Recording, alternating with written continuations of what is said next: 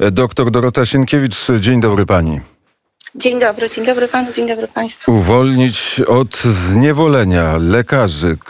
Co to jest za stowarzyszenie i z czym walczy i o co? E, jest to Polskie Stowarzyszenie Niezależnych Lekarzy i Naukowców, które mm, zawiązało się niedawno, w sumie przed tygodniem zostaliśmy zarejestrowani. Skupiamy środowisko, które lekarskie, które chce być niezależne od e, przede wszystkim firm farmaceutycznych, które chce mieć prawo wyboru e, właściwej terapii, najlepszej terapii zgodnie z doświadczeniem i wiedzą medyczną e, dla pacjenta. No, ujawniło się to szczególnie wyraźnie właśnie teraz, w okresie pandemii, ponieważ pacjenci, którzy są zainfekowani koronawirusem, dostają leczenie, właściwie nie dostają leczenia, tylko leki przeciwgorączkowe. Jeżeli stan się pogorszy, szpital, OJOM, tlenoterapia lub respiratoterapia. Podczas kiedy na świecie i w Polsce są metody, które zastosowane we wczesnym w wczesnej fazie infekcji koronawirusowej e, po prostu wyhamowują i leczą infekcję. To jest amantadyna, którą rozpropagował pan dr Bodnar. Na świecie stosuje się hydroksychlorochinę czy inwermektynę.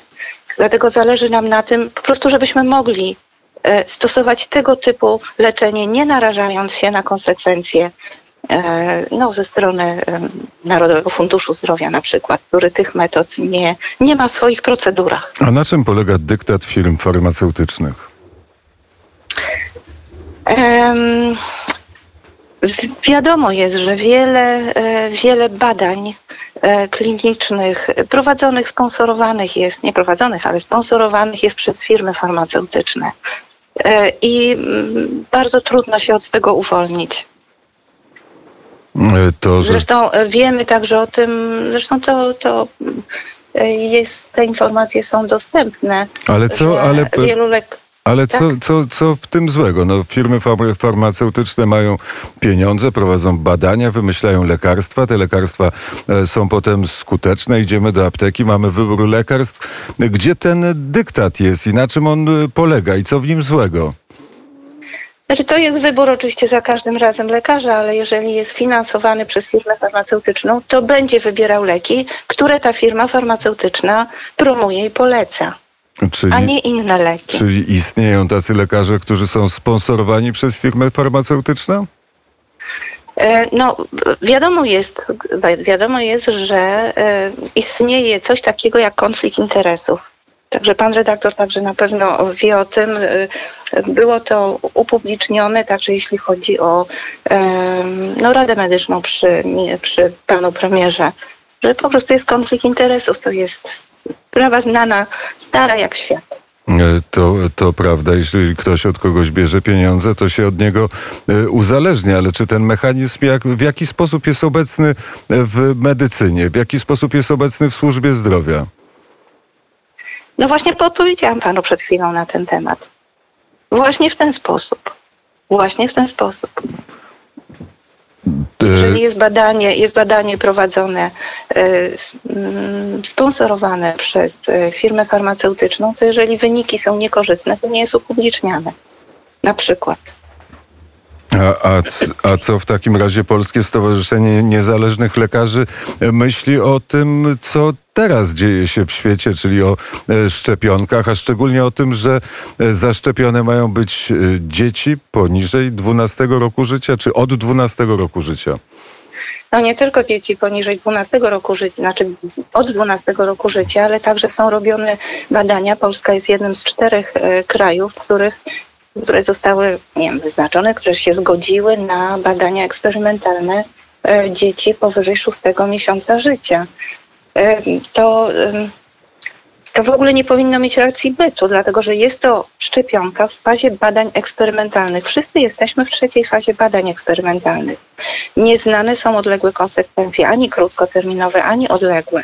Firma farmaceutyczna e, Firmy farmaceutyczne dodają w tej chwili nowe działania niepożądane do, do, chyba do ulotek, ponieważ ujawniają się coraz, e, coraz, ujawnia się coraz więcej działań niepożądanych. To, to są zakrzepice, Wiadomo jest, że na przykład uszkadza barierę krew-mózg, która to może prowadzić do, do chorób degeneracyjnych mózgu. No, u dzieci w ogóle niedojrzała jest bariera krew-mózg. W ogóle organizm dziecka jest niedojrzały dopiero w trakcie rozwoju, rozwoju układu immunologicznego, rozwoju e, układu nerwowego, a więc bardziej podatny na działania niepożądane.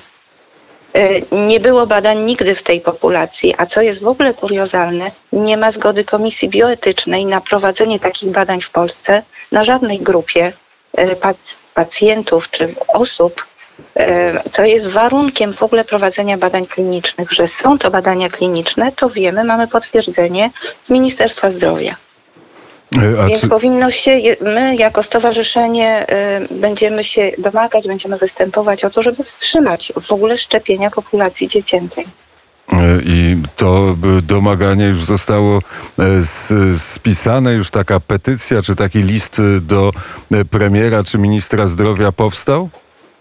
Powstał list, tak, znaczy myśmy napisali do ministra zdrowia taki wniosek o udzielenie informacji pu- publicznej, w którym zawarliśmy 17 pytań na temat szczepień dzieci. Bardzo konkretnych pytań. Tu chyba na, na antenie, nie wiem czy pan redaktor chciałby, ja mogę te pytania odczytać. E, Teraz nie Em, możemy, ale na pewno będzie no taka właśnie, okazja. Ja wiem. Ja wiem, ale są to bardzo konkretne pytania, na które oczekiwaliśmy odpowiedzi od Ministerstwa Zdrowia. No jakby nie było odpowiedzialnego za życie i zdrowie nas wszystkich. Ministerstwo Zdrowia praktycznie nie odpowiedziało, kierując nas do urzędu, do Urzędu Rejestracji Leków i Produktów Leczniczych.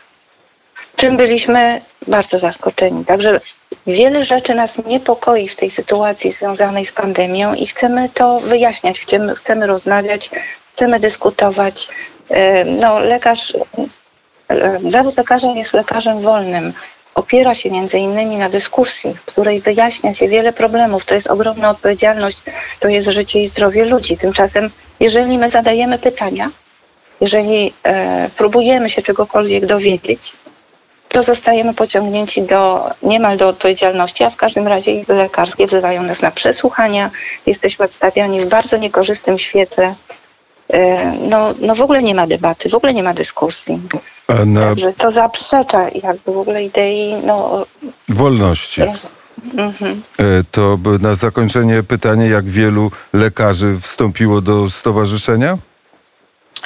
No, jesteśmy młodym stowarzyszeniem, więc te deklaracje napływają, ale dla nas e, no, może nie tyle ilu, nie ile, a jak. Tak, nie ilość, a jakość. My, my powołaliśmy w stowarzyszeniu zespoły, w których będziemy pracować.